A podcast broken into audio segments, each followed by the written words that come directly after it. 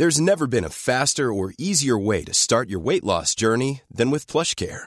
PlushCare accepts most insurance plans and gives you online access to board-certified physicians who can prescribe FDA-approved weight loss medications like Wigovi and Zepbound for those who qualify. Take charge of your health and speak with a board-certified physician about a weight loss plan that's right for you.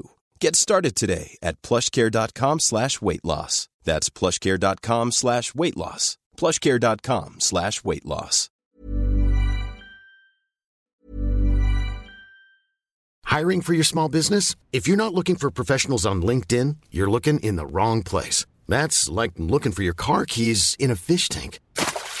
LinkedIn helps you hire professionals you can't find anywhere else, even those who aren't actively searching for a new job but might be open to the perfect role. In a given month, over 70% of LinkedIn users don't even visit other leading job sites. So start looking in the right place. With LinkedIn, you can hire professionals like a professional. Post your free job on linkedin.com slash people today.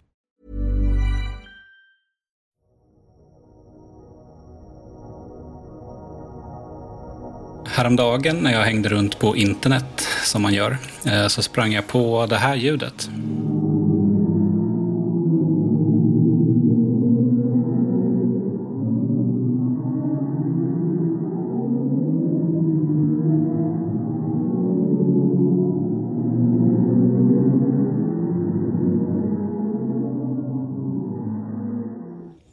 Det vi hörde för något tror du?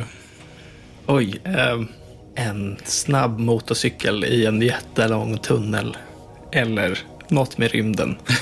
det är min bästa gissning. Något med rymden är helt rätt. Eh, Det är alltså astronomisk data från det supermassiva svarta hålet i mitten av Perseushopen som har översatts till ljud. Det låter otroligt obehagligt. Eller hur? Nästan hotfullt. Vet du något om Perseushopen förresten? Nej, faktiskt inte. Det finns så många hopar känns det som ute i världsrymden. Jag vet inte så mycket om den heller, men jag kan säga att det är en, ehm, en galaxhop i stjärnbilden Perseus och den innehåller i sig runt tusen galaxer och eh, har ett avstånd på cirka, håll i dig nu, 240 miljoner ljusår. Det är ändå häftigt att man kan få så pass mycket data att man kan skrämma någon med det där ljudet. Ja, precis. Jag tänkte precis på det. Att om man hade öppnat en dörr och det där ljudet hade liksom skrikit ut, då hade man ju stängt igen och gått. Det känns som att många signaler som man kan göra till ljud som man kan stöta på är sådana att ja, men, det här är inget för mig riktigt. Man, man Nej. vill nog vända.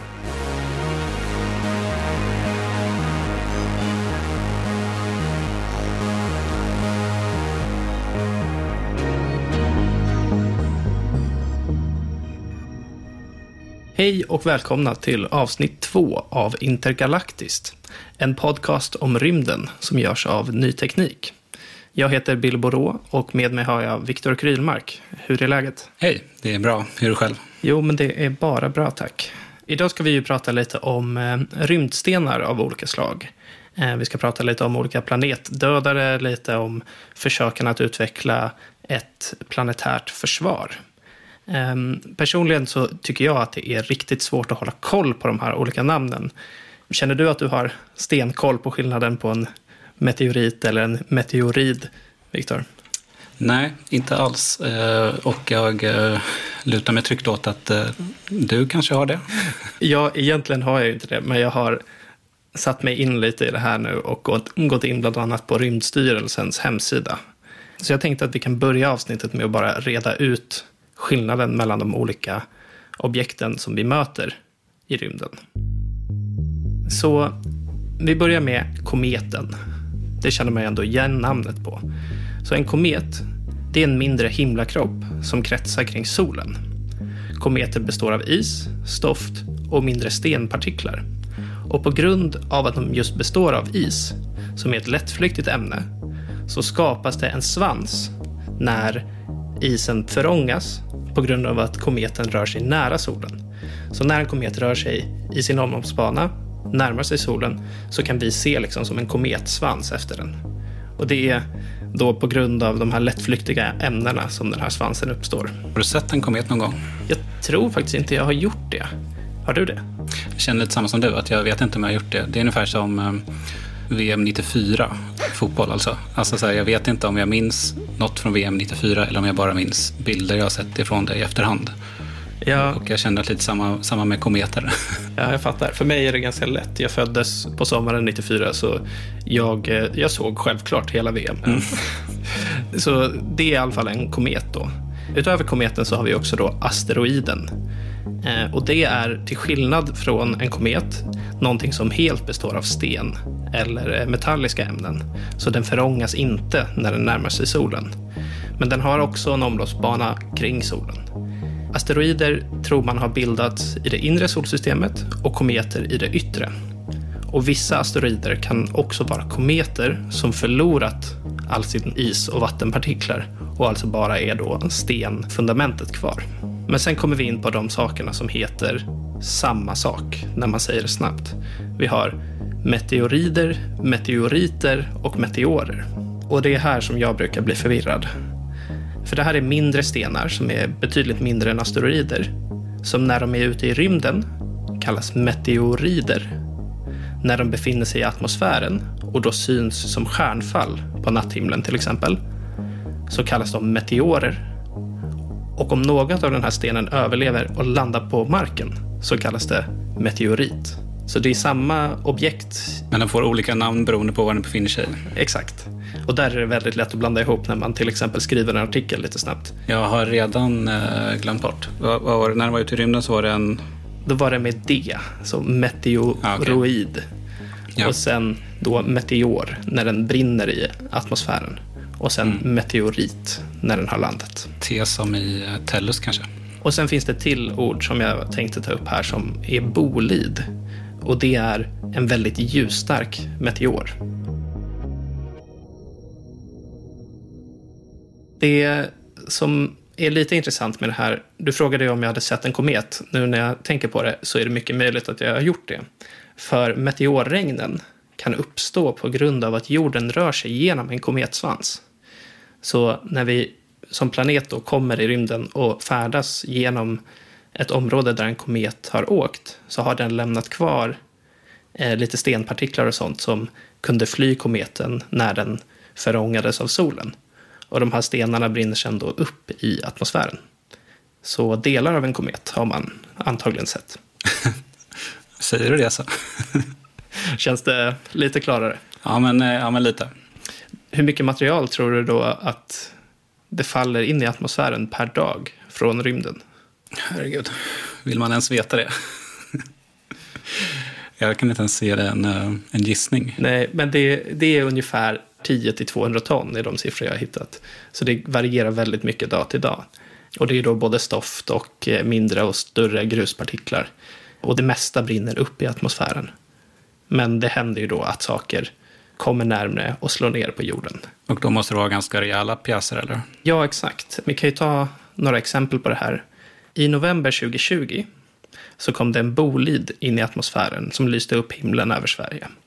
Den slog sedan ner och hittades av två meteoritjägare. Jag tror att den vägde 14 kilo eller så. Så den var ju lite större när den väl kom ner än en vanlig meteorit. Den är lite rolig i det fallet också eftersom att den nu drar igång en, en rättegång om vem som har rätten till den här stenen. Alltså den mellan meteoritjägarna och en greve? Exakt. Det blir ett så spännande fall eftersom att det just är greven mot uh, meteoritjägarna. Precis. Så det är ju ett exempel på en sten som har slagit ner i Sverige. Och sen kan man gå till ännu större stenar som kan bli farliga då för människor.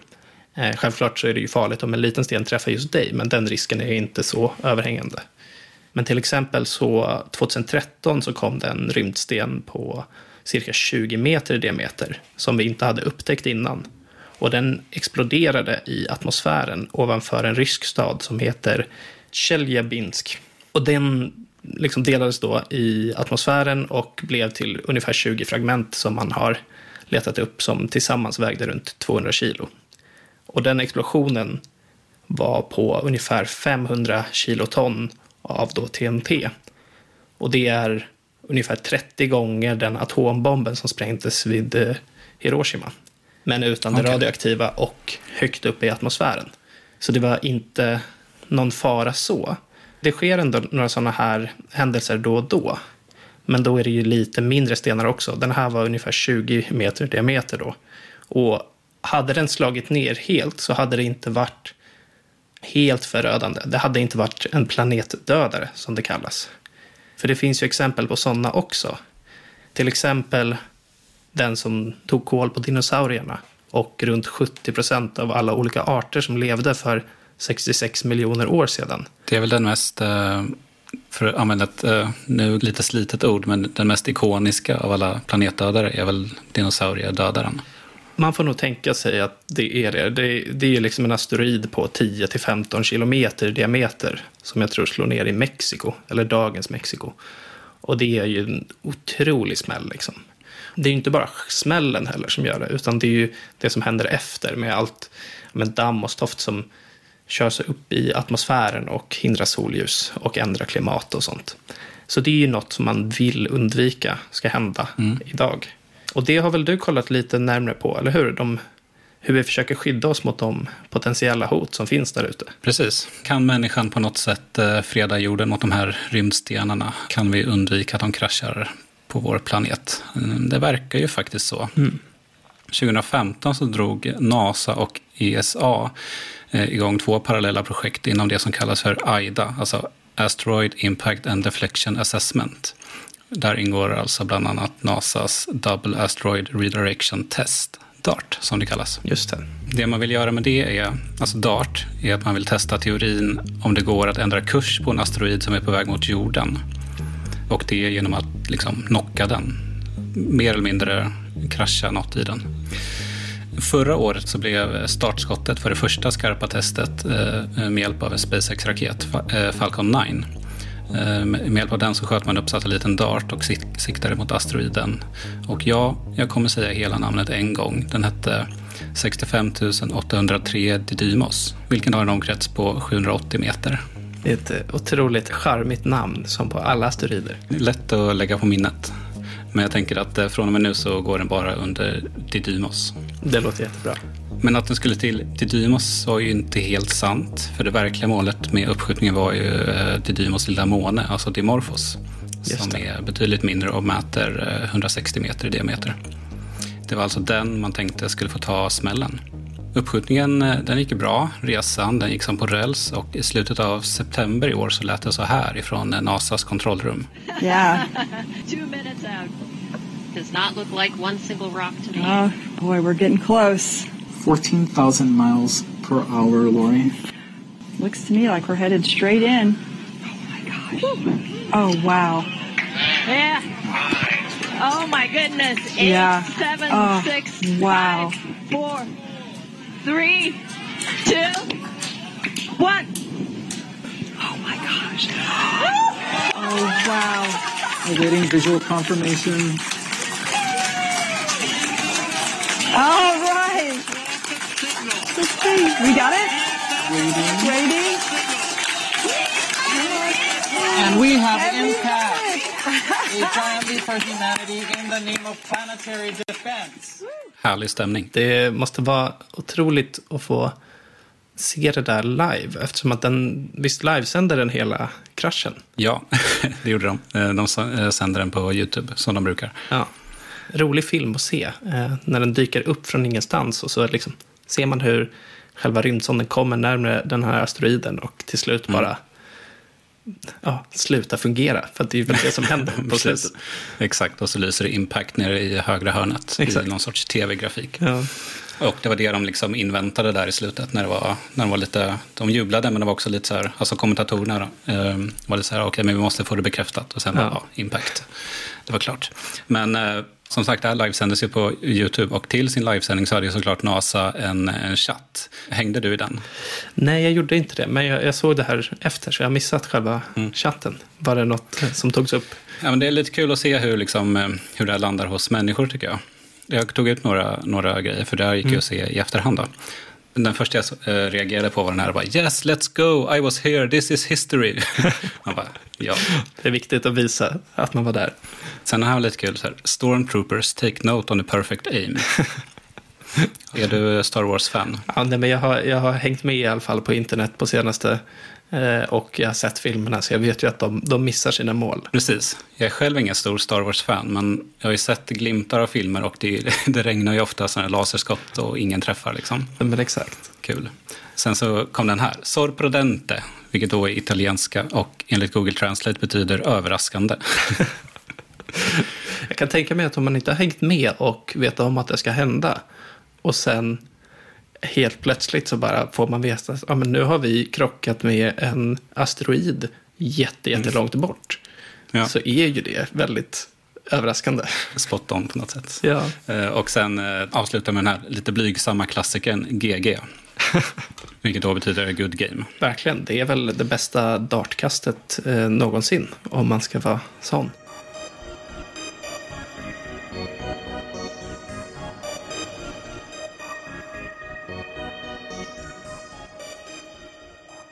Alltså det som hände var alltså att eh, den här rymdsonden på 600 kilo träffade den här lilla månen i en hastighet på runt 6,6 kilometer per sekund, vilket är oerhört. och att det hände cirka en miljon mil från jorden. Alltså det är ju rätt eh, bananas när man tänker på det. Det är imponerande att man är så pass bra på att förutspå banor i rymden för att kunna sikta så mycket. Sen har man ju självklart små motorer som man kan styra lite grann. Men att ha den tajmingen är ju fenomenalt. Verkligen. NASA-chefen Bill Nelson sa någon vecka efter kraschen att så här, citat, vi visade världen att NASA är en seriös försvarare av denna planet. Eh, slutcitat. Och ja, det har han väl rätt i. Ja, på ett sätt. Men det här är ju inte en risk för eh, planeten så. Just den här asteroiden som man valde att sikta på har väl inte varit på väg hit. Nej, precis. Det var en, eh, en ofarlig asteroid att träffa på något sätt. Den påverkar oss inte alls. Dimorphos hade bara otur som var en bra sten att testa på eftersom den kretsar kring den här Didymos och har en ganska kort eh, omloppsbana. Just det. Och innan liksom själva kraschen så låg omloppsbanan på 11 timmar och 55 minuter. Och efter den här kraschen så ligger den nu på 11 timmar och 23 minuter. Den går alltså 32 minuter snabbare än innan. NASA kanske hade hoppats på 10 minuter. Så att det, liksom, det blev en större förändring än vad de trodde innan.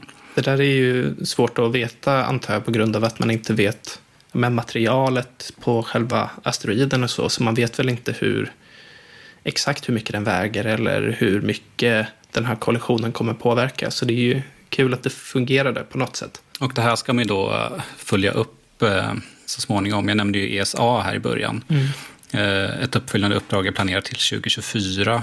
Då ska den eh, europeiska rymdorganisationen skjuta upp ytterligare en rymdfarkost som kallas för Hera. Okej. Och det är den då som ska dokumentera nedslagsplatsen på Dimorphos och ja, kolla lite mer detaljerat på hur, hur det har påverkats där. Liksom. Okej. Eh, Det kan vara bra att nämna att man kan se eh, DART som ett liksom långsiktigt försvar. Alltså det är tänkt att sluta asteroider ur bana som man ser på väg på sikt. Alltså som kanske man räknar ut skulle kunna nå jorden om så här, säg 100 år. Just och det. att då kunna avstyra en sten tidigt. Liksom. Som jag förstår det så kommer den inte kunna rädda oss ifall man upptäcker en sten väldigt sent som kanske beräknas slå ner om en månad typ. Nej, men exakt. Det är väl det de har uttryckt. Eh, att just om vi kan hitta dem i god tid så behöver man inte påverka banan lika mycket. Eftersom att den förändringen utvecklas och blir en stor förändring efter ja, men 100 år eller så. Så det är ju väldigt bra på det sättet. Men då måste man ju också ha tekniken för att upptäcka stenarna innan de är så pass nära som till exempel den i Ryssland 2013. Precis. Så vid sådana scenarion så är det fortfarande Bruce Willis och Armageddon som är vårt hopp på något sätt. Exakt.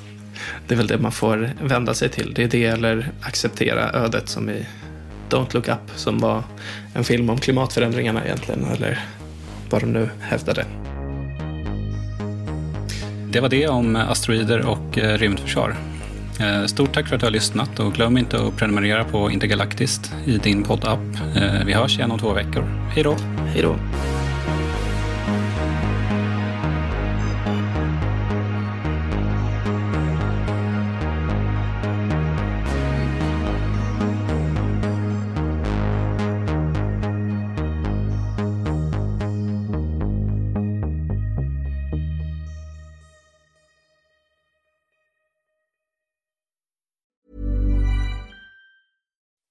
When you make decisions for your company, you look for the no-brainers. If you have a lot of mailing to do, stamps.com is the ultimate no-brainer. Use the stamps.com mobile app to mail everything you need to keep your business running with up to 89% off USPS and UPS. Make the same no-brainer decision as over 1 million other businesses with stamps.com. Use code program for a special offer. That's stamps.com, code program.